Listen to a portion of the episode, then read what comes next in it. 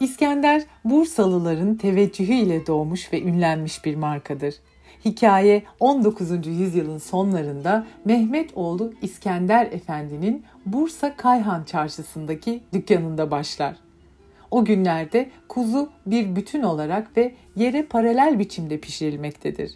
Ancak İskender Efendi kuzu etinin farklı bölümlerinin kendine has lezzetlerinin müşterilerine eşit oranda dağılmasını sağlamak için bir çözüm aramaya başlar.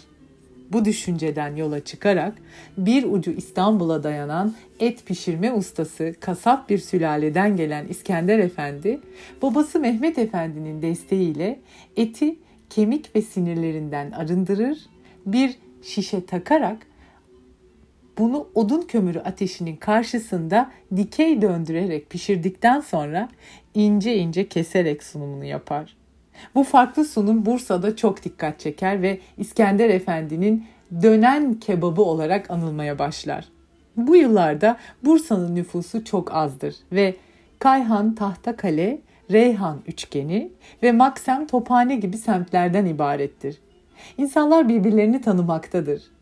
Önceleri dönen kebap diye ünlenen bu yemek gel zaman git zaman halk dilinde döner kebap ve daha sonraları sadece döner şeklinde anılmaya başlanmış ve lakap Mehmet oğlu İskender Efendi şeklinde önce tabelaya ve günümüz ticari ortamında da bir ticari ünvana dönüşmüştür. Böylelikle 150 yıldır süre gelen Bursa ile özdeşleşmiş ve adeta simgesi olmuş bir marka doğmuştur. Kebapçı Yavuz İskenderoğlu ilk günkü itina ve emek ile hazırlanan lezzetlerini bugün hala aynı titizlikle sunmaya devam ediyor.